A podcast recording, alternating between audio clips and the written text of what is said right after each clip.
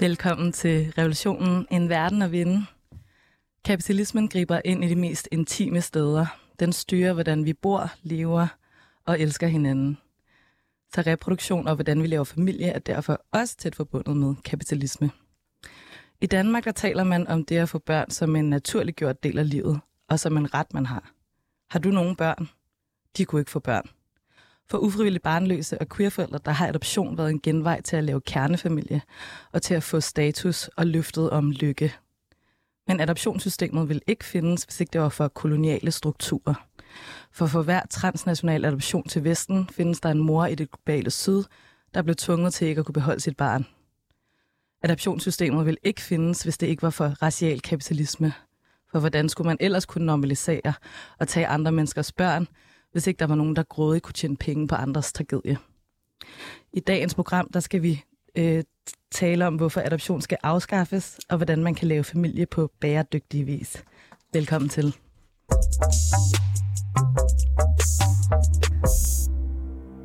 Og i dag, der er vi fem adopteret i studiet. Uh. En lille del af det, som jeg kalder for The Korean Mob. Og øh, velkommen til jer, Seon Lee, du er medstifter af Adoptionspolitisk Forum, og du har også lavet aktivisme omkring adoption i Sydkorea. Velkommen til dig. Tak for det. Moonju, du er øh, med i Adoptionspolitisk Forum i dag, og så skriver du en del om adoption på dine sociale profiler. Velkommen til dig. Mange tak. Og Jong Sung Kulak, du er kunstner, og så er du også forperson i Adoptionspolitisk Forum. Velkommen til. Tusind tak. Og endeligt, sådan i Engelstof, du er filmskaber, og så har du blandt andet lavet den film, der hedder Forget Me Not, om første mødre, altså dem, hvis børn bliver bortadopteret. Velkommen til dig. Tak. Og så har du også dit barn med i dag. Han Ja. er, som der er seks måneder, øh, er også med os her i studiet. ja, så hvis jeg lige bliver nødt til at gå afsted, så øh, er det lige, fordi jeg lige skal tage mig af hende. Det er bare helt perfekt. Det kan være, der kommer lidt øh, lyde eller øh, nogle ting i løbet af programmet. øh, og jeg hedder Henna Nar, og normalt så er jeg vært her på Revolutionen, men i dag der prøver vi at bryde, bløde lidt op i formatet. Øh, jeg føler mig jo ret blottet i det her emne, vi skal snakke om i dag, og derfor så har jeg brug for at kunne læne mig lidt op af jer. Og jeg ved jo, at I har masser at sige, så måske der kan vi styre slagets gang i fællesskab. Og det er sådan, at øh, programmet er jo opbygget på den måde, at vi snakker problem, strategi og utopi. Og i den her første time, der skal vi så belyse problemet. Og jeg håber, at I er klar på at dykke ned i de her ret dystre ting sammen med mig. Mm. Øhm, og inden vi går videre, inden vi begynder at tale om konsekvenserne af transnational adoption, så vil jeg gerne lige prøve at få lidt terminologi på plads. Så først og fremmest, øh, Seven, kan du så sige sådan, hvad er adoption egentlig? Ja, jeg kan godt sige et par ord om det, øhm, men først og fremmest, så, øh, så vil jeg gerne sige tak for invitationen. Jeg synes, det er helt vildt fedt at blive inviteret ind for at tale om revolutionen øh, sammen med dig, fordi jeg har lyttet til de andre programmer øh, over det sidste halvårs tid, og jeg synes virkelig, det er nogle gode programmer, så kado til jer. Fedt, tak. Men øh, adoption, øh, sådan der er helt øh, elementært, kan man tale om, at det er et juridisk bånd, som man kapper fra den oprindelige familie, og så giver man så det til et vestligt par. Og, øh, og det er jo så det er lidt ligesom et ægteskab, øh, hvor man laver en juridisk binding på, på barnet og på, på første familien, ja. Men jeg er ikke nogen juridisk ekspert, så man skal næsten prøve at spørge nogle andre om det, for at få sådan lidt mere øh, tyngde på det. Men ellers ud over det, så er det jo også startet som en, det er jo efterhånden blevet en institution og en industri, som, øh, som er til gavn for barnløse vestlige par, hvor man, øh, hvor man udbytter, hov, Russet. hvor man udbytter øh, de, fage, de svage og de syge og de fattige og de udsatte og de marginaliserede. Ja. Det kan Ja. være, der er nogle andre, der har lyst til at sige lidt mere om, hvad adoption er. Du må gerne, øh, I må gerne supplere. Ja. Og så kigger I alle sammen på mig. Ja, det gør ja. ja, men altså, og, øh, altså, jeg har jo ikke så meget ekstra at tilføje, fordi det er jo primært, sådan som det forstås i dag, en juridisk kontrakt, man laver, hvor man overdrager et formynderskab faktisk fra en part til en anden part. Og det er jo faktisk også der meget af problematikken ligger, det er, at den her juridiske kontrakt ser øh, barnet eller ser den adopteret som en enhed, man kan lave en kontrakt på. Så øh, adoption i dag bliver betragtet som, som den her juridiske overdragelse. Jeg kan sige lidt historisk, så stammer det jo faktisk tilbage fra en kristen tradition, og det er også mm. derfor, at man kan se rigtig mange, øh, især i USA, kristne organisationer være meget store fortaler for adoption, altså transnational adoption, fordi der kommer det koloniale og det raciale ind i det. Øh, men det stammer fra en kristen tradition, hvor øh, man sagde, at romerne lagde de uønskede børn ud for bymuren, og så kom alle de kristne og samlede dem op, så derfor er det betragtet som sådan en barmhjertig rettighedsgerning, og det er jo den diskurs, vi prøver at afmontere. Ja, lige præcis. Og vi kommer til at snakke rigtig meget mere om det her med, hvordan det netop er forbundet til de her koloniale strukturer, og hvorfor det præger den fortælling og den forståelse, som vi har om adoption. Mm. Øhm, men, men lad os vende tilbage til det øhm, efter det næste her, fordi som jeg startede med at sige, så har vi jo det til fælles, os der er i studiet i dag, at vi på tværs af årtier er adopteret fra Korea. Og øh, lige her for nylig, der så jeg jo sådan en artikel om, at øh, det, der hedder Sydkoreas Sandheds- og Forsoningskommission, de iværksætter en officiel, en officiel undersøgelse øh, af den internationale adoption, som der er sket af mere end 200.000 koreanske børn til USA og Europa. Altså de undersøger ikke alle de her 200.000, men mm. det er det, der er omfanget i forhold til de børn, som der er blevet adopteret. Øh, siden midten af 1950'erne og frem til slut 80'erne, der er der altså blevet afgivet flere tusind børn øh, til transnational adoption. Øhm, og så er der nogle koreansk adopteret fra det, der hedder Danish Koreans Rights Group, som der med en advokat har appelleret til den her kommission i Korea, fordi de vil have anerkendt, at deres adoptioner er sket på et falsk grundlag. Og det her med det falske grundlag, det kommer til udtryk ved forfalskede papirer, hvor at øh, oplysningerne om de her adopterede børns forældre simpelthen ikke er rigtige. Øh, der er mange adopterede, som der oplever, at der står unknown på deres papirer øh, i forhold til deres forældre. Øh, og der er de her, øh, der er flere adopterede, der oplever, at øh, der bliver fortalt de her løgne om, at de er blevet fundet på gaden. Lidt ligesom Jongsun sagde før, altså det her med at blive efterladt uden for bymuren. Mm. Og så er der nogen, der kan komme og redde øh, de her børn. Øh, og det kan være, at der er den her fortælling om, at de er blevet efterladt, selvom realiteten faktisk er, at deres mødre øh, bare var ugifte eller var fattige, og det ligesom var det, der var, hvad kan man sige, problemet. Øhm, og håbet med den her sag i Sandheds- og Forsoningskommissionen, det er at kunne sagsøge nogle af adoptionsbyråerne i Korea øh, eller den koreanske regering for de her skader.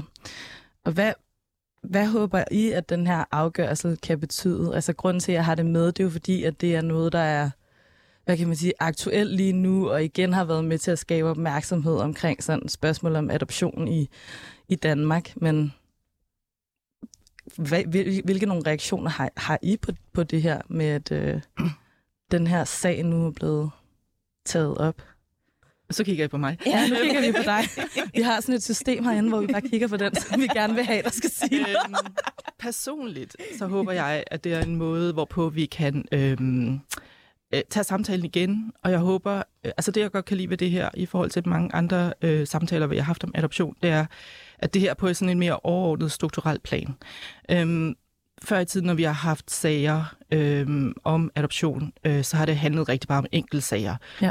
Øh, og, og så har man ligesom slået det hen med, om det var en enkelt sag. Ja. Hvor nu snakker vi om, nej, det er et strukturelt problem, det er et internationalt problem, det er et juridisk problem for alle. Øhm, så, så jeg håber, at det her er en måde, vi kan åbne op for den samtale. Ja, så at det, at der er den her fælles sag, hvor flere øh, sager ligesom er en, en del af det, starter en mere strukturel øh, et mere strukturelt fokus. Ja. ja. Øhm, og så tænker jeg på, om der er nogen af jer, der har lyst til at sådan uddybe lidt, hvorfor er det, at man har set de her adoptioner fra Korea Øh, nu, nu nævnte jeg, at det var det her med sådan fra 50'erne og frem til slut 80'erne og sådan noget. Mm. Øh, er der nogen, der kan sådan ja, uddybe lidt sådan, hvorfor, hvorfor er det, man historisk har set det ske i Korea? Mm. Altså, mm, vi kan jo godt prøve at sætte et par ord på sådan i forhold til den historiske kontekst. Øh, nu er jeg rigtig dårlig til at huske øh, øh, årstal og navne. Det er lige meget.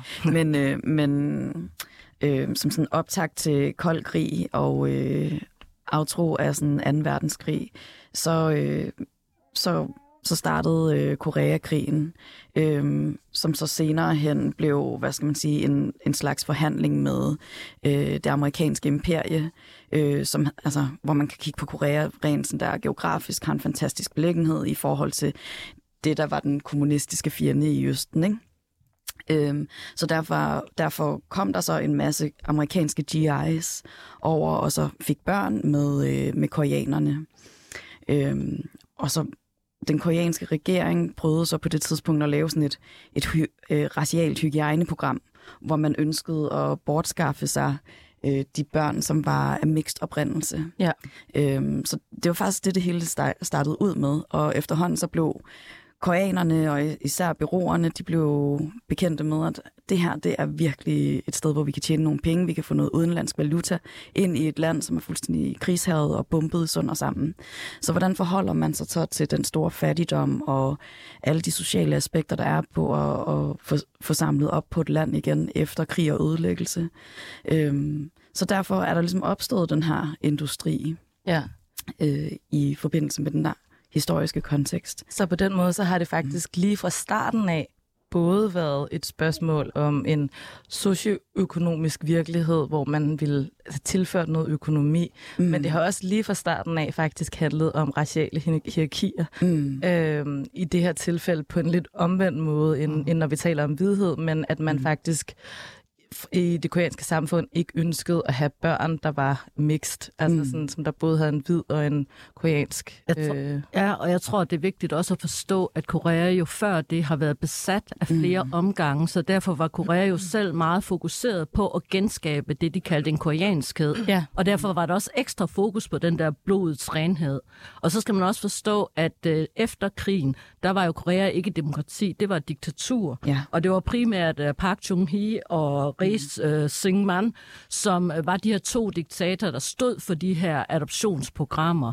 Og Sandhed og Forsoningskommissionen undersøger også kun frem til 93, fordi deres scope er jo at sige, at der skal være noget reconciliation i forhold til de to diktaturer. Der var faktisk tre diktaturer, men den sidste mm. var kort vej. Hvad vil det sige? Det der ja, men altså, de er klar over, at der foregik en, øh, altså der var en uh, crime against humanity i Korea, okay, ja. øh, som blev foretaget af de her dictatorships. Og den her Sandhed og Forsoningskommission er jo der til at ligesom at forsone det og løse det og forbrødre det og betale, kan man sige, kompensation for det her.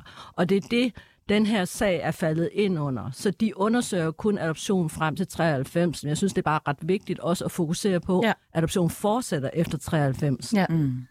Ja. Så, så, så på den måde, det, det du siger, det er jo også, at jamen, hvad kan man sige, de her tanker omkring sådan uh, racehygiejne og sådan noget, det er jo faktisk også intimt forbundet med imperialisme mm. og hvad kan man sige, og kolonialisme, altså sådan i, i kraft af sådan den, mm. den, den historie, som der er i Korea, og det er med til at skabe nogle betingelser, hvor man ligesom ser uh, adoption uh, sådan udledt af det.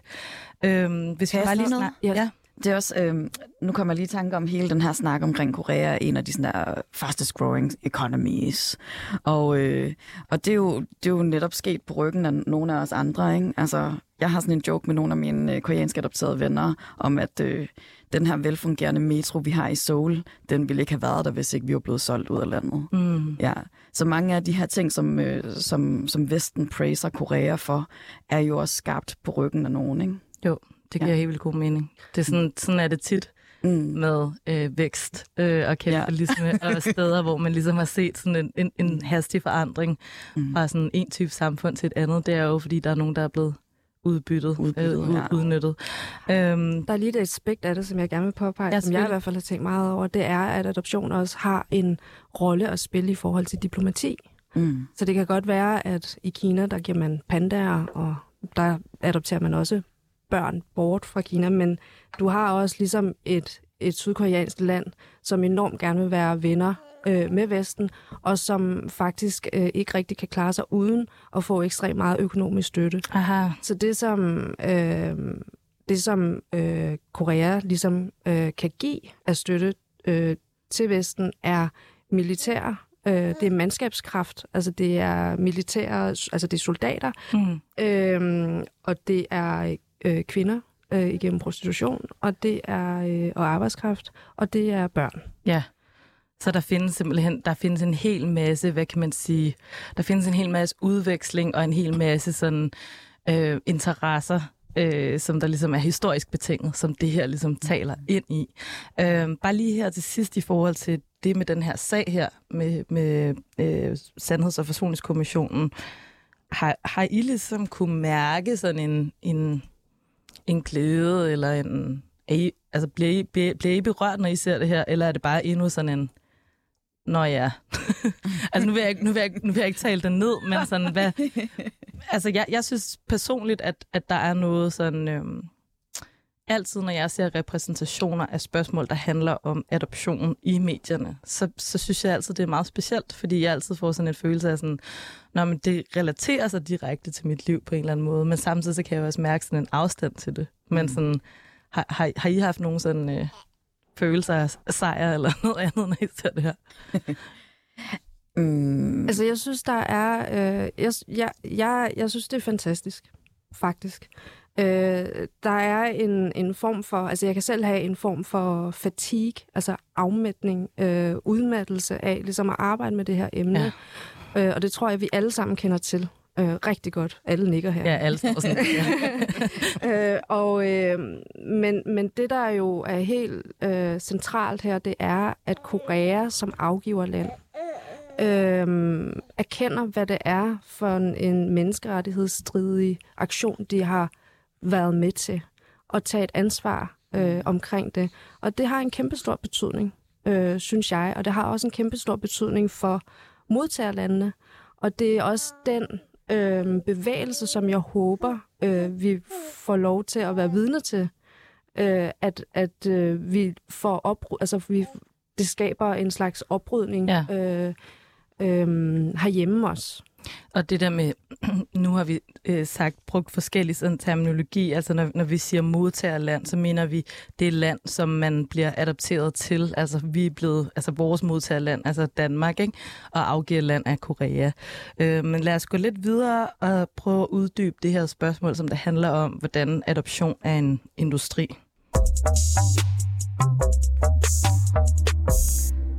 Og, og der vil jeg gerne prøve at starte med... Øh, det her med, at da vi snakkede om forberedelsen til programmet, der lagde jeg mærke til, Seone, du sagde øh, importland og eksportland, når du snakkede om adoption. Og det, det kan jeg huske, det skabte på en eller anden måde sådan et ubehag i mig, samtidig med, at jeg også sagtens skal se, hvorfor det giver mening. At, at det er fordi, altså når du siger importland og eksportland, øh, når du snakker om adoption, er det så for at markere det her med, jamen det er en handelsvare. Mm børn er en handelsvare, mm. når vi snakker om adoption. Ja. ja. Og hvad kan man sige, hvis vi bare lige skal starte et eller andet sted? Øhm, jeg ved godt, at, at konsekvenserne og implikationerne er virkelig mange, men vi skal, vi skal jo starte et sted. Hvad betyder det, at adoptionssystemet fungerer som en industri? Altså, hvilke implikationer har det? Jamen, det betyder jo, at der er nogle særlige partner, som, øh, som har nogle særlige interesser i virkeligheden i at opretholde et system. Og det vil sige, at man i virkeligheden ikke går ind og kigger på en årsag eller en grundlæggende problemstilling, der kan være til, at der for eksempel er øh, forældre, øh, enlige forældre for eksempel, der ikke kan tage vare på deres børn. Og det vil sige, at der kan være lande, som ikke er interesseret i at opbygge en særlig socialpolitik, eller er interesseret i at fastholde bestemt stereotypisk kønsmønster ja. eller familiemønster, ja. som øh, har en interesse i at fastholde det, fordi det er magt at fastholde ja. det på en særlig måde. Men det kan også være enkeltspillere, så som Holt eller andre adoptionsorganisationer, som simpelthen har gjort mm. det til en business at sikre, at der er et bestemt flow af børn, der kan sendes ud, og derfor er interesseret i at fastholde en bestemt form for tilgang af børn til sin forretning. Ikke? Og man kan jo ikke, altså i, når man taler om det, når man ser på det på den måde, vi snakker om import og eksport, ikke, så er det jo fordi, at det er penge, der driver det her. Det er ikke, ja. det er ikke velgørenhed, det er ikke altruisme, det er ikke, at vi redder nogle børn i virkeligheden. Det er penge, der får det her system til at blive drevet så effektivt og i så stor stil, som det gør intet andet. Det er cool cash, det er finanser, og følger man pengestrømmene, finder man også ret hurtigt ud af, hvor de brødne kar er. De er sådan set alle steder, på alle led. De er både i afgiverlandet, men de fandme også i modtagerlandet. Undskyld, jeg banner.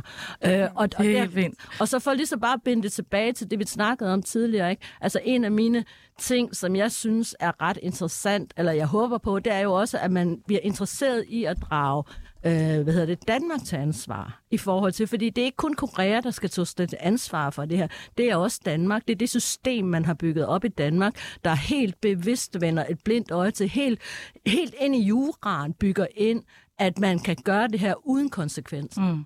Så ligesom rigtig mange andre ting her i verden, så kan man sige, at, at, at de, de ting, altså det, det centrerer om, det er, at der er nogen, der har en interesse i at tjene penge, mm. og så er der nogen, som der har nogle andre interesser, og det fastholder ligesom, at de her ting foregår, på trods af, at vi jo gentagende gange har set, øh, der foregår øh, ja, forfalskneri, øh, der er løgne, der, der omgager det her, og der har været skandale på skandale, men det bliver ved med at fortsætte. Altså, jeg tror heller ikke, øhm. man skal undervurdere, hvor vigtig eller hvor stærk den der fortælling er om, at det her er en god ting. Altså, og det tror jeg egentlig også er i de organisationer, som vi snakker om, og, og i, i, altså i de organisationer, der er i Danmark, øhm, at det her er sådan en win-win. Det er rigtig godt, og, og hver gang jeg snakker om det her emne med folk, der ikke ved noget om det, det første, de siger, det er jo netop det, men hvad så med alle de stakkels forældreløse børn, som ligger og dør på gaden, og, og sådan noget, og, og så skal man sådan ligesom, og så skal man starte helt fra scratch og sige, de findes ikke. Ja. De findes simpelthen ikke. Det der med, at det er en myte, at de her børn, som der bliver adopteret, de vil have øh, ja, de ville have blevet overladt til den visse død eller noget andet, ja. hvis ikke de blev adopteret. Og når så først man ligesom har fået overvist folk om det, så kan man sige, så hvad er det, du vil med de der børn? Du vil redde dem, men det gør du bare ikke ved at smide dem ind i sådan en pengeindustri. Mm. Og, og, og jeg tænkte også på det, du sagde, Jong, Jong Sun, i forhold til det der med, sådan, jamen, så kan der være nogle andre magtstrukturer, øh, for eksempel i afgiverlandet, altså i Korea, som der så betyder, at adoptioner stadig bliver ved med at foregå. Ikke? Altså fordi, at jeg, jeg tænker også på det her med, at der er en meget stærk, et meget stærkt patriarkalsk mm, øh, system præcis. i Korea, ja. som der gør, at hvis du for eksempel er en ugift kvinde, øh, så, så, så bliver du ligesom socialt udstødt øh, og har ikke de samme sådan, sociale muligheder, hvis du bliver gravid. Mm. Og dermed er du sværere ved at beholde barnet. Øhm, og, og det samme med det her med, at det her med, at det foregår som en industri, det betyder jo også, at man snakker om det her med udbud og efterspørgsel. Ja. At efterspørgselen på børn der, til adoption er, er blevet større nu, end mm. faktisk, hvor mange børn der er. Så hvis business skal blive ved med at kunne fungere, så bliver man nødt til, øh, eller ikke nødt til, men det, det kan være en af grundene til, at der foregår alle de her øh, dybt problematiske ting. Ikke? Fordi mm. at hvis, hvis man skal blive ved med at finde børn til industrien og ligesom holde den kørende, så... Og, ja, øh, og kan jeg lige kommentere bare en ja, selvfølgelig. fordi nu bliver der sådan meget, nu er der meget fokus på forfalskninger, ikke? og sådan nogle ting. Men, men, men selvom man altså Køge fortsætter et adoptionssystem uden forfalsninger, så dækker det jo stadigvæk over sådan en grundstruktur over nogle mennesker, som har færre rettigheder. Altså unge møder, unge fædre, for, øh, for ikke at, at glemme dem heller. Altså øh, enlige forældre, øh, øh, som, som, som ikke har de grundlæggende rettigheder til at beholde deres børn. Så du kan egentlig godt lave, det er også derfor, jeg tror ikke på etiske adoptioner, du kan sagtens lave et adoptionssystem, hvor alle papirer er med, og alt er foregået fuldstændig efter bogen, ja, ja. men bogen er bare skrevet grundlæggende forkert. Mm-hmm. Så det er vigtigt at påpege, at det ikke nødvendigvis handler om, hvorvidt oplysningerne er rigtige eller ej. Det handler om, hvad er det for en verden, vi har, hvor at det, at nogen bliver tvunget til at afgive deres børn, ikke kan beholde deres egen børn, øh, hvor det bliver muligt. Og det peger på alle de her strukturelle uligheder, som, som I nu nævner. Ikke? For eksempel så kan jeg komme med øh, et eksempel på, at at øh, en enlig mor i Korea øh, får mindre i økonomisk støtte, end en institution gør per barn eller en fosterfamilie okay, ja. gør i økonomisk støtte per barn. Så det, det, det er ja, jo fuldstændig indlejret. Det er jo fuldstændig ja. sindssygt. Ja, det er fuldstændig indlejret i systemet. Øhm, og så kunne jeg godt tænke mig sådan at tale lidt om, hvad det er for nogle magtfulde idealer, vi er op imod. Fordi hele den her idé om kernefamilien og heteropatriarkatet er jo enormt yes. stærk i Danmark. Og den er så stærk, så folk er villige til, altså barnløse par eller enlige, øh, er så villige til at gå ind i noget, der minder om øh, pyramideøkonomi hos byråerne, ja. hvor de betaler i sådan der rater og bliver ved med at stå på venteliste, indtil der er børn, der, der er frie til adoption, ikke? som der er rådighed, eller der er til rådighed til adoption. Og det er, jo, det er jo også incitament for, at folk ikke har lyst til at fjerne sig fra ventelisten, fordi de har postet så mange penge ind i den her pyramide, mm. og man er med til at betale for, at andre par får deres børn. Mm. Så det er sådan nærmest helt sektagtigt også, hvordan man bygger økonomien op omkring det. Øhm, og noget andet i Korea er jo også sådan, altså, børn og unge og teenagers, hvad adgang har de til fortrydelsespiller. Man kan, ikke, man kan ikke gå øh, til lægen, uden at det bliver dokumenteret. Og der er en kæmpe stor far for, at der er nogen, der finder ud af, at du har fået fortrydelsespiller, ja. eller abort, eller hvad med, øh, hvad med seksualundervisningen. Mm. Den er jo også øh, virkelig, virkelig tilbagestået. Ja. Ja. Øhm, så Jamen, der er en hel masse ja. de her faktorer på spil ja. på én gang, som ja. der er med til at kunne skabe den her øh, ja. absurd situation. Ja. Ja, også øhm. bare det, at, at, at Korea er jo sådan et ultraliberalistisk økonomi, det er jo arven fra, fra den amerikanske imperialisme i Korea. Mm-hmm. Ikke? Ja. Så det gør jo også, at bare det at gå til jordmor, eller gå til læge, eller på anden måde lave en fødsel, er så dyr for nogen, hvis der er bare de mindste komplikationer, at nogen føler sig jo tvunget til lige præcis at gå de steder hen, hvor de så kan få en form for hjælp, og nu laver jeg sådan en anførselstegn ja. med min finger her, mm. altså få hjælp, ikke? som jo ofte gør, at de kan sådan blive coerced ind til en adoption. Ikke? Altså, så det er jo virkelig altså, der er jo virkelig mange årsager til det. Ja, mm. så bare lige for at samle lidt op på, på øh, Jongsun, du sagde jo tidligere det her med, at der er både nogle interesser i afgiverlandet, altså det vi taler om Korea nu, men også i modtagerlandet, altså Danmark. Og der nævnte du sagde jo det her med, det handler også om de her meget stærke ideolo- altså ideologiske spørgsmål om en familie. Mm. Hvad er en familie? Og det her med sådan, øh, som jeg sagde i introduktionen, med at lykke til bliver betinget af det her med at være en kernefamilie. Og det er altså det, som der også er med til, at, øh, at folk de er villige til at, øh, at gøre de her ting. Øh, nu vil jeg gerne vende lidt tilbage til det her med, øh, vi har været en lille smule inde på det i forhold til, at, øh, at der er noget med, at adoption også er forbundet til øh, kristendom og kristne idealer. Men det her med, hvordan adoption hviler på kolonialisme og racisme, og hvorfor det ligesom er sådan intimt forbundet med det. Ikke?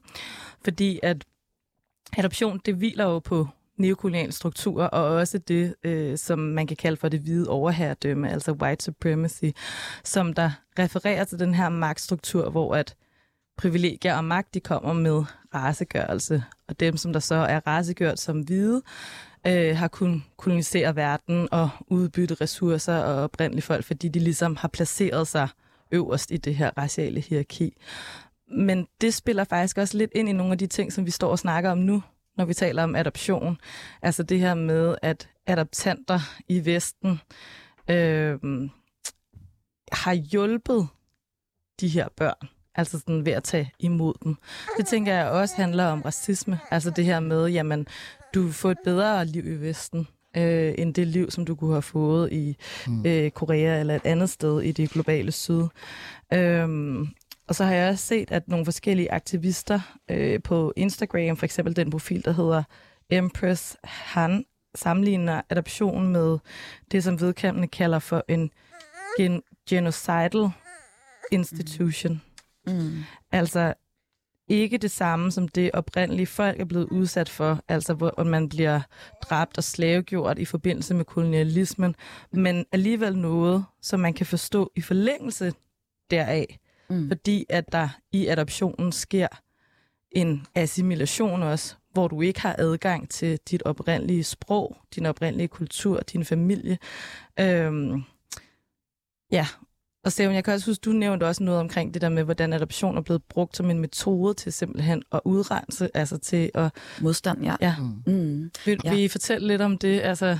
Jo, ganske kort, så kan jeg nævne Chile som et eksempel, hvor man, øh, hvor man øh, øh, med øh, indigenous befolkning, øh, som har siddet på land, som magthaverne og, øh, og folk, som har haft pengeinteresser, har øh, bekriget Øh, man har taget deres børn fra dem som øh, for at bekæmpe modstandsbevægelsen. Øhm, så det, det er meget, meget sådan, der er direkte forbundet. Og det vi også ser nu, det er, at øh, mange første familier i Chile er begyndt at lede efter deres børn. Og der kan man se, at øh, de er adopteret i Sverige, de chilenske adopterede, mm. de er begyndt at organisere sig. De er ja. begyndt at lave den her... Altså, vi er jo en global bevægelse i og med, at vi er blevet forflyttet fra vores land. Vi er blevet tvangsmigreret. Så det er også en måde at forstå det hele på. Altså, det er jo det er ikke kun Chile, det er jo også mange andre steder. Ja det er en måde, hvor... Ja, i Europa ja. er det jo for eksempel i Rumænien, har man jo kunnet ja. dokumentere ret voldsomt, hvordan Ceausescu under sit styre brugte adoption som en form for betvingelse af sine politiske modstandere. Ikke? Så det er, og det er ret veldokumenteret gennem mm. en ret stor rapport, der er altså, lavet i EU. Vi kunne jo også nævne Grønland. Mm. Ja. ja, ja. Helt klart. Lad os endelig nævne Grønland. Mm. Hvor nu, nu skal jeg passe lidt på, fordi jeg ikke ved, jeg tror ikke, jeg er helt skarp på fakta, men det, der skete med Grønland, det var, at i forbindelse med den her indlemmelse i Danmark, hvor at man siger, Grønland opnåede ikke, hvad kan man sige, sin selvstændighed og skulle indlemmes i Danmark, der var en del af den her kulturelle assimilation, det var sådan en tvangsadoption af, af grønlandske børn. Var det sådan? Oh, altså, jeg, jeg er heller ikke ekspert men sådan som jeg husker det, så har der været, øhm, der er flere ting i det. Øhm, der var de her eksperimentbørn, som blev flyttet til Danmark og ligesom skulle gøres danske. Ja, og så var meningen, at de ligesom skulle flytte hjem igen og gøre Grønland endnu mere dansk. Ja, det var øhm, en del af den Ja, og det gik rigtig dårligt. Plan. Øhm, men man kan sige, øh, hvis man kigger på øh, adoptioner i Danmark, øh, for også at tage hele øh, det her raciale ind i det, så kan man se, at øh, der er jo også rigtig mange grønlandske børn, som stadigvæk bliver tvangsbort adopteret. Øh, så man kan heller ikke tage, tage den del, altså når man snakker om danske adoptioner, så glemmer man lidt, at vi også snakker om nogle raciale strukturer, Præcis. og sociale strukturer og alt muligt andet. Og det er nemlig også er det samme med de her koloniale hierarkier i forhold til, mm. hvilke forældre er egnet til at være forældre. Ja. Øh, og der er oprindelige folk fra Grønland, vurderet mindre egnet, end man er i forhold til hvide danske forældre. Ja. Og det har jeg også hørt om, hvordan at der er en hel masse problemer i forhold til sådan der fortolkning af kultur, i forhold til sådan, mm. hvordan er man en god forældre, hvordan Præcis. lyder det, hvordan taler man om det.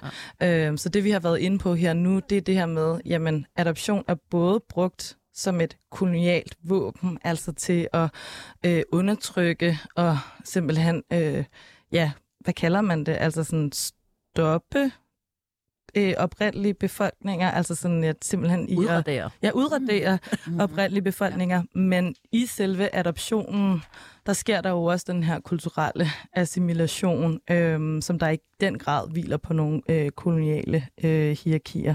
Må jeg vende tilbage til Chile? Ja, selvfølgelig. Kort, ja, fordi øh, nu kan jeg ikke huske navnet på den professor, jeg var inde og hørte oplæg med, men øh, professoren havde... Øh, øh, havde lavet research på Chile øhm, i forhold til, hvem, hvilke børn fra modstanden, der røg ind i adoptionssystemet, og hvem der blev øh, der endte i massegrave. Undskyld, ja. jeg siger ja. på den her måde, men det var på den måde, det ja. skete. Ikke?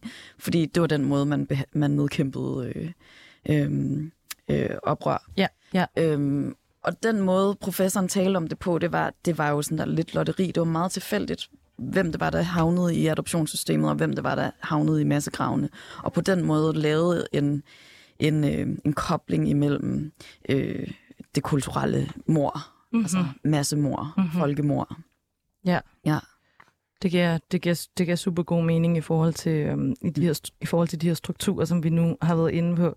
Mm. Og så, hvis vi lige vender tilbage, så det vi har, vi har også øh, gentaget igen og igen, det her narrativ omkring, at man hjælper øh, børn øh, som en del af adoptionen. Og det hviler jo også på de her, hvad kan man sige, koloniale, raciale hierarkier, fordi at det er den her, den her idé om, at man redder nogen. Ikke?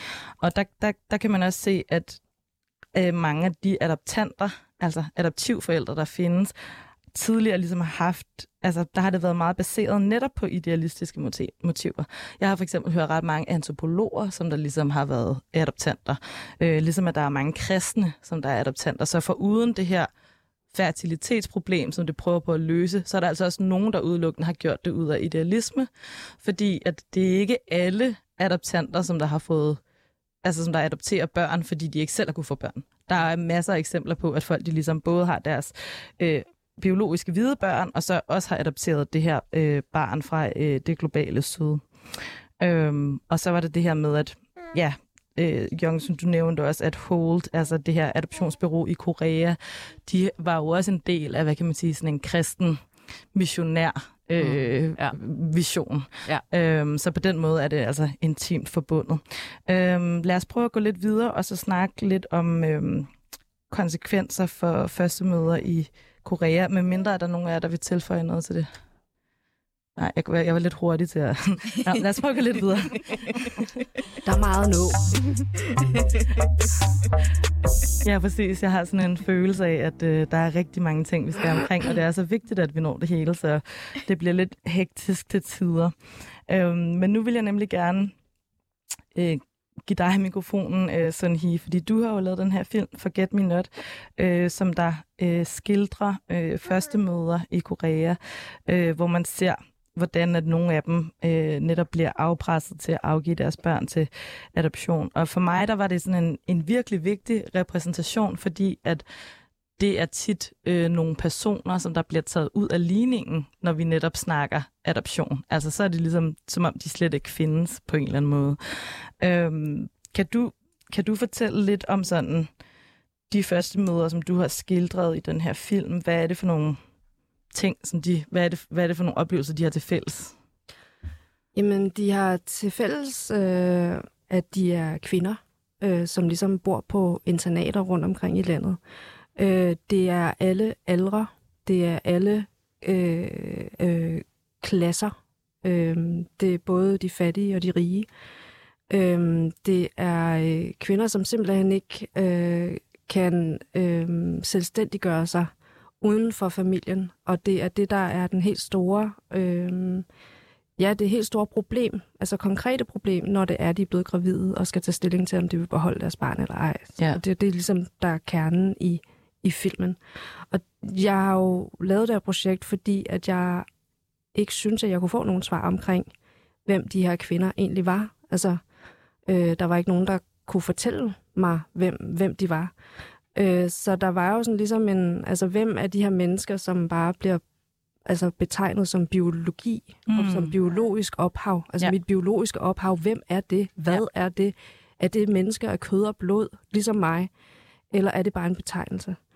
Og det er den personliggørelse, øh, som jeg jo så har oplevet, øh, eller har opsøgt, øh, og som mange adopterede også møder i Korea. Øh, hvis man leder efter det, fordi de er også begyndt at organisere sig.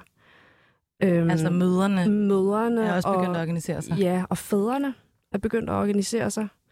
Øh, og det er jo også øh, en, en, en oplevelse, eller en opdagelse, en lang opdagelse af, øh, hvor smertefuldt øh, adoption bliver ved med at være øh, igennem hele livet, og hvor stort et traume det i virkeligheden er. Øhm, og det, det, ja, det er verdens sørgeligste film, og jeg ja, håber virkelig, det at, at, at, at, at alt, hvad jeg, altså, alt, hvad jeg laver i film, bliver nødt til at være øh, gladere på en eller anden måde, fordi det, det, det er for meget. Mm-hmm. Og nu sidder jeg her med min datter på skødet, og hun er fire og en halv måned gammel, og, øh, og det er den samme alder, som jeg havde, da jeg blev adopteret og kom til Danmark. Og det er simpelthen så voldsomt. I, der er flere af jer, der er møder også. Øhm, øh, og det er fuldstændig ubeskriveligt, øh, hvad det er for en sorg, der ligesom ligger til grund for den adskillelse. Ja, så det du, det du også siger, det er, jamen, mm, når du ligesom prøvede at at øh, skildre den her gruppe øh, af, af møder i Korea, så kommer der en, endnu en facet af det her traume øh, på en eller anden måde. Altså fordi man kan se, hvad er det for nogle konsekvenser, som, som de oplever. Øh, kan du sætte lidt ord på det? Altså sådan, hvad er det, hvad er det, hvad er det, hvad er, konsek- hvad er det for nogle konsekvenser, de oplever som, som et resultat af den her øh, adoption? Eller afpresning Jamen, altså de, foretage en adoption? De oplever jo, at de ikke har noget valg. Og de oplever, at øh, de ikke bliver inkluderet i samfundet. Fordi det, der er nogle af de her patriarkalske... Du skal vælge imellem at beholde dit barn eller miste din familie. Mm-hmm. Øh, man kan sammenligne det måske med øh, øh, mennesker, der gerne vil udtræde af sektor. Ja. Øh, øh, og hvor svært det i virkeligheden er. Øh, øh, Og der er ikke nogen muligheder for dem. Øh, der er ikke nogen økonomisk støtte, som kan gøre, at øh, de kan øh, beholde deres børn. Og det skal lige siges, at Korea har en af verdens allers laveste fødselsrater, og de desperat mangler børn. Og det er jo helt hul i hovedet, at de så i virkeligheden øh, ikke stopper international adoption, mm. øh, som burde være den, altså som er en af de allermest lavt hængende frugter, man ligesom kunne starte med. Så man kan sige, incitamentet for øh, at afgive børn til adoption må være rigtig stærkt på nogle andre parametre, siden at man gør det, øh, når fødselsraten er så lav. Øh, men nu hvor vi snakker om det, nu hvor vi snakker om traumer, så er det næste... det kan opleve. Det er en fin bro, jeg skal til at lave her. Så, så er noget af det... Øh, jeg har ikke afsat så lang tid til det, fordi vi skal også kunne holde øh, til at snakke om de her ting i anden time. Men så vil jeg gerne lidt ind på øh, når vi taler om konsekvenser, hvordan at der er konsekvenser for adopterede, som der altså kommer til udtryk i psykisk sygdom, forhøjet selvmordsrate og problemer på alle mulige måder. Og der vil jeg bare sige, at på den måde, så kan man virkelig se adopterede som overlevere. Øhm, og det er jo rimelig sådan basic øh, psykologi, det her med, Ja, man taler jo rigtig meget om, at det har en kæmpe betydning for børn at være sammen med deres mor i den første del af deres liv. Altså det er jo virkelig noget, som, som hvad kan man sige, det, det står nærmest på side 1 i psykologihåndbogen. Ikke? Øhm, og adopteret har fordoblet risiko for psykisk sygdom, øh, og der er en svensk undersøgelse, som der viser, at risikoen for selvmord blandt transnationalt adopteret er 3-4 gange større end blandt ikke adopteret. Øhm, Altså, er vi bare... Øh, er man som adopteret bare fucked? ja. man, øh, man har i hvert fald nogle livsvilkår, som jeg tror, det kunne være rigtig godt, hvis, øh, hvis man er bevidst om, at man har det. Øh, det er jo sådan, at hvis man kigger på tvangsadoptionsloven i Danmark, så er man jo meget bevidst om, at jo flere skift og jo længere tid øh, de her børn øh, bliver kastet rundt i systemet, jo dårligere for barnet. Altså jo dårligere performer barnet sådan motorisk og på alle mulige andre områder. Så man forsøger faktisk at hele tiden kigge på, at det er sundt. Men det gør man bare sjovt nok ikke på transnational adoption, fordi der er det ligesom blank slate, når barnet kommer, og så ryger det jo direkte ud i den her kærlige familie. Ikke? Ja, der bliver du født ud i Du bliver født ud i Kastrup Lufthavn. Ja. Ikke? Så, så jeg tror, det er rigtig vigtigt, at man i hvert fald erkender, at man har nogle livsvilkår som transnationale optaget, man kan reagere meget forskelligt på. Det vil også sige, at der er jo mange forskellige overlevelsesstrategier. Øh, men jeg vil gerne citere en meget klog kvinde, Johan Rang Christensen, som øh, gav mig en af mine bedste mantraer. Hun sagde, mm. du har en meget naturlig reaktion på en meget unaturlig situation. Og det er det, langt de fleste adopterede har, uanset om de så reagerer med depressioner, eller øh, med, med øh, sådan overkompensationer, med øh, altså hvad det nu kan være, så har man faktisk en meget naturlig reaktion på en meget unaturlig situation. Ja, og vi, skal, vi, skal, vi kommer til at vende lidt tilbage til det her øh, bevidsthedsskift, eller hvordan det hvordan man som adopteret ligesom kan opleve netop øh, en masse internaliseret skam og en masse sådan spørgsmål, at man stiller spørgsmålstegn ved sin egen virkelighed, altså fordi at der ligesom er de her meget stærke fortællinger om, at det er normalt. Men altså, som du siger, Jongsun, så, som Johan Rang øh, fortæller sig, det er en meget voldsom oplevelse. Altså at blive taget fra sine forældre og havne i et helt nyt land. Det er bare for at synliggøre på en eller anden måde, at de her konsekvenser, som vi nu står og taler om, det er altså virkelig massivt. Det har kæmpe psykiske konsekvenser for alle involveret. Og som Sunhi jo også sagde, altså også for de her kvinder, øh, hvis børn, der bliver øh, taget fra dem. Øhm, ja. Ja, det er meget mærkeligt, ikke? Altså, det er bare sådan en lang gaslighting. Men jeg tror også, det er det, der er dobbelt op på, på, ja. altså på os. Det er jo det her med, at ikke nok med, at vi er blevet øh, taget fra nogen øh, og placeret hos nogen, vi ikke kender. Vi kan heller ikke spejle os i dem, og de kan egentlig heller ikke spejle sig i os. Altså så, så når vi oplever, altså alle de issues, som vi så har, livslange issues, det går jo aldrig væk. Øhm, de mennesker, som er allernærmest, altså vores familie, og ofte vores venner, øhm, de kan ikke hjælpe os med det, fordi Nej. de forstår det ikke. Øh, og, og der er sådan en meget stærk fortælling om, at når du adopterer et barn, så er det lige meget, hvad farve det er, og hvor det kommer fra, så længe du bare elsker det og giver det et dansk navn. øhm, så, øhm, så altså, du ved, alle de ting, det, det, jeg tror simpelthen ikke rigtigt, der er, altså, jeg ved ikke, om der er lavet noget forskning på det, det er der nok, men ikke nok. Og, og jeg tror meget sent i livet er jeg blevet opmærksom på de her ting, ja. og jeg er sådan for nylig begyndt at gå til psykolog af nogle andre ja. grunde, men, ja. men, men det er jo sådan, det er faktisk min psykolog, der har sagt, øh, vi skal lige snakke om det der adoption. Og jeg har været sådan, nej, nej, jeg har en anden grund. Og hun siger, ja, mm-hmm, ja det men... oh, haven't we all been there? Ja. ja, lige præcis. Og altså, øhm, som, som du siger, sådan, Øhm, nej, nu tager jeg faktisk tråden.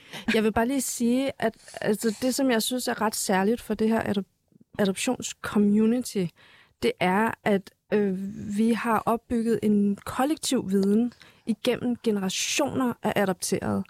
Og det er altså en af grundene til, at vi ligesom står så stærkt nu, og er i stand til rent faktisk at forsvare os selv, og bede om nogle ting her i livet, vi vil gerne, som, som er retmæssigt vores, altså vores identitet. Det er, at, øh, at vi ligesom har, øh, har, har undersøgt det her selv. Der er ikke nogen, der har givet os det her. Nej. Vi har selv skulle skaffe alle informationer omkring alt. Og der er ikke adgang til Og der er ikke adgang til noget som helst, og det er en lang underkendelsesproces. Og, og, og, og jeg kan kun se det som om, at vi alle sammen ligesom øh, står på skuldrene af hinanden. Mm. Øh, og det, det er bare lige meget vigtigt at påpege, når det er, man ligesom øh, laver den her form for arbejde, tænker ja. jeg.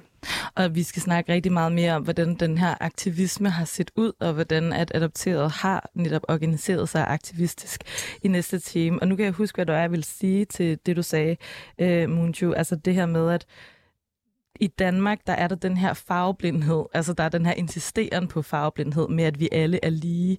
Og det er jo altså også en del af den gaslighting, som vi kalder det. Altså det der med, at jamen, hvorfor skulle det være et problem at vokse op i en hvid familie, hvis du selv er øh, østasiatisk afstamning? Altså det er jo lige meget, fordi at vi er netop bare alle sammen lige. Så der er jo også noget omkring den kontekst, vi er i i Danmark, øh, og de problemer, der er med øh, racisme og, øh, hvad kan man sige, sådan en, en, en benægtelse af, at det findes, som der er med til at forstærke endnu mere de her normaliseringer og de her, øh, hvad kan man sige, sådan øh, total underkendelse, som, som, øh, som Sonhi siger, af hvad det er for et traume, der findes. Øh, nu vil jeg man gerne... kan sige, prislisten, prislisten lyver jo heller ikke. Fordi hvis man går ind og kigger, øh, man kan sagtens øh, finde dataen frem, de her gamle prislister fra byråerne, der var der tydeligvis forskel på, øh, hvis man kom fra Indien eller Sri Lanka, eller hvis man kom fra Rusland, eller hvis man kom fra Sydkorea. Aha. Ah, så colorism er jo helt sikkert også en del af det i forhold til prissætning. Okay, så hvordan, bare lige for at forstå det, hvordan var det så, hvis man så var et, et ikke-hvidt barn fra det globale syd, var man så dyrere eller billigere? Altså for eksempel koreanerne var dyre, fordi okay. de var nemmere at assimilere ja, lige ind præcis. i danskhed, var der jo nogen, der mente. Lige præcis. Så på den måde og kunne man jo sige, at øh, ja. Og det er, jo, det er jo, hvad kan man sige, det, ja, det er, jo, det er jo virkelig noget af det, der også er på spil i forhold til sådan, hvordan at, at koreansk adopteret netop i Danmark simpelthen bare bliver når folk de siger, jamen jeg havde, jeg havde simpelthen aldrig tænkt over, at du ikke var hvid. Altså sådan, det, er, det er ligesom blevet, det er ligesom blevet sådan en, he, en hel gruppe, som folk de tænker, Nå, du, du på den ene side. Øh, ja. min veninde. Ja, du er jo bare, bare ligesom os. Du er ja, dansker du ligesom os. også frikadeller. Sammen dansker. Øv, øv. okay, lad os prøve at gå lidt videre til det sidste, vi skal nå her øh, inden pausen. Fordi nu vil jeg gerne øh, en lille smule ind på det her med surrogasi. Øh, fordi at Spørgsmålet er, om der er en, om man har ligesom set en nedgang i adoptioner til Danmark. Men så er det det her med, hvad er der så kommet i stedet for? Fordi de her stærke ideologiske øh, behov for at lave en kernefamilie og få børn, det er jo ikke, fordi de forsvinder. Øhm, og jeg tænker på, MJ, har du nogle tanker om det? Øh, MJ.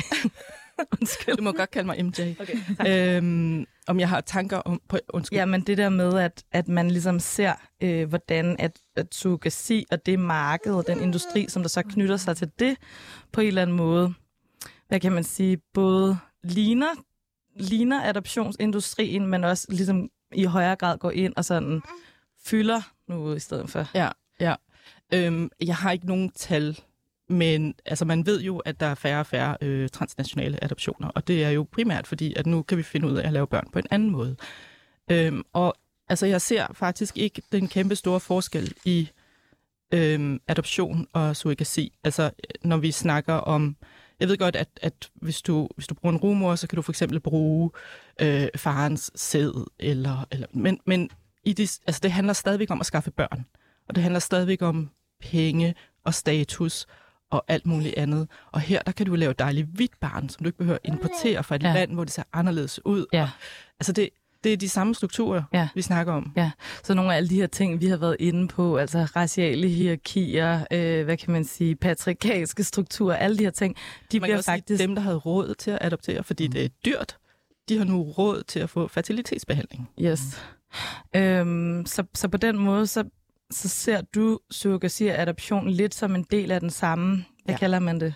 Ja, altså det skal, jeg vil bare lige få indskyde, altså hvad hedder det, uh, Institut for Menneskerettighed kom jo med en rapport omkring donorbørn, og der brugte de faktisk erfaringer fra adoptionsområdet, fordi de netop kunne påvise, at der er en sammenhæng, og der er en lighed. Ikke? Så det er jo ikke kun os, der opfinder, at der nej, er en lighed, nej, nej. men er der ja. også i forskningsverdenen.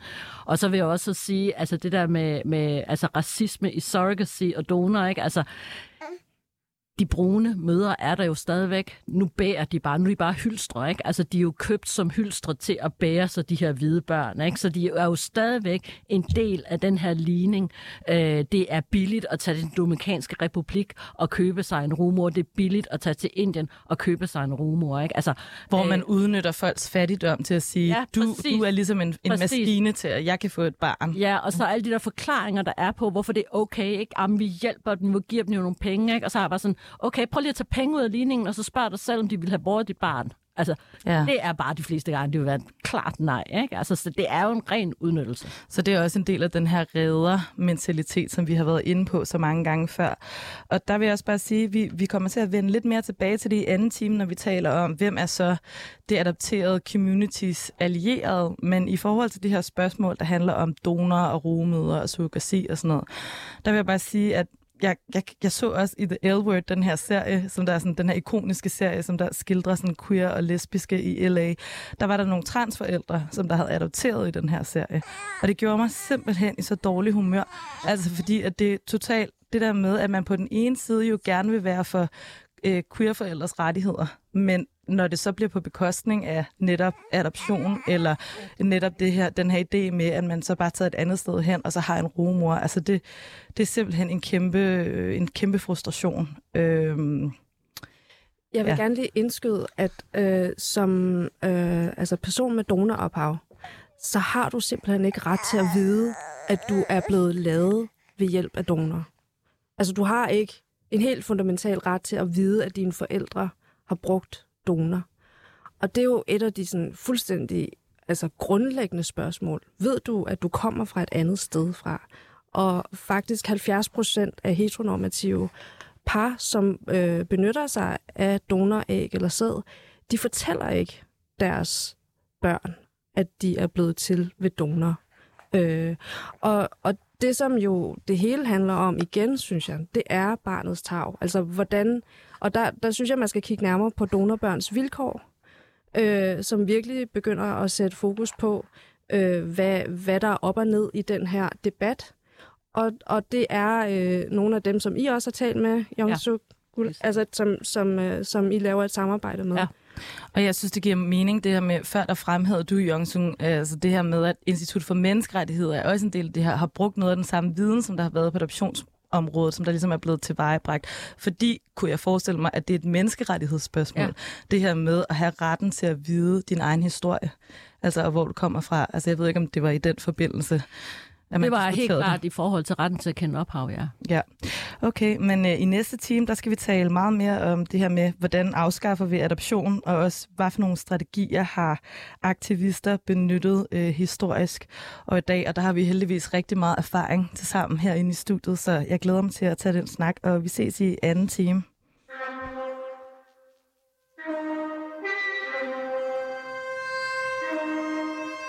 you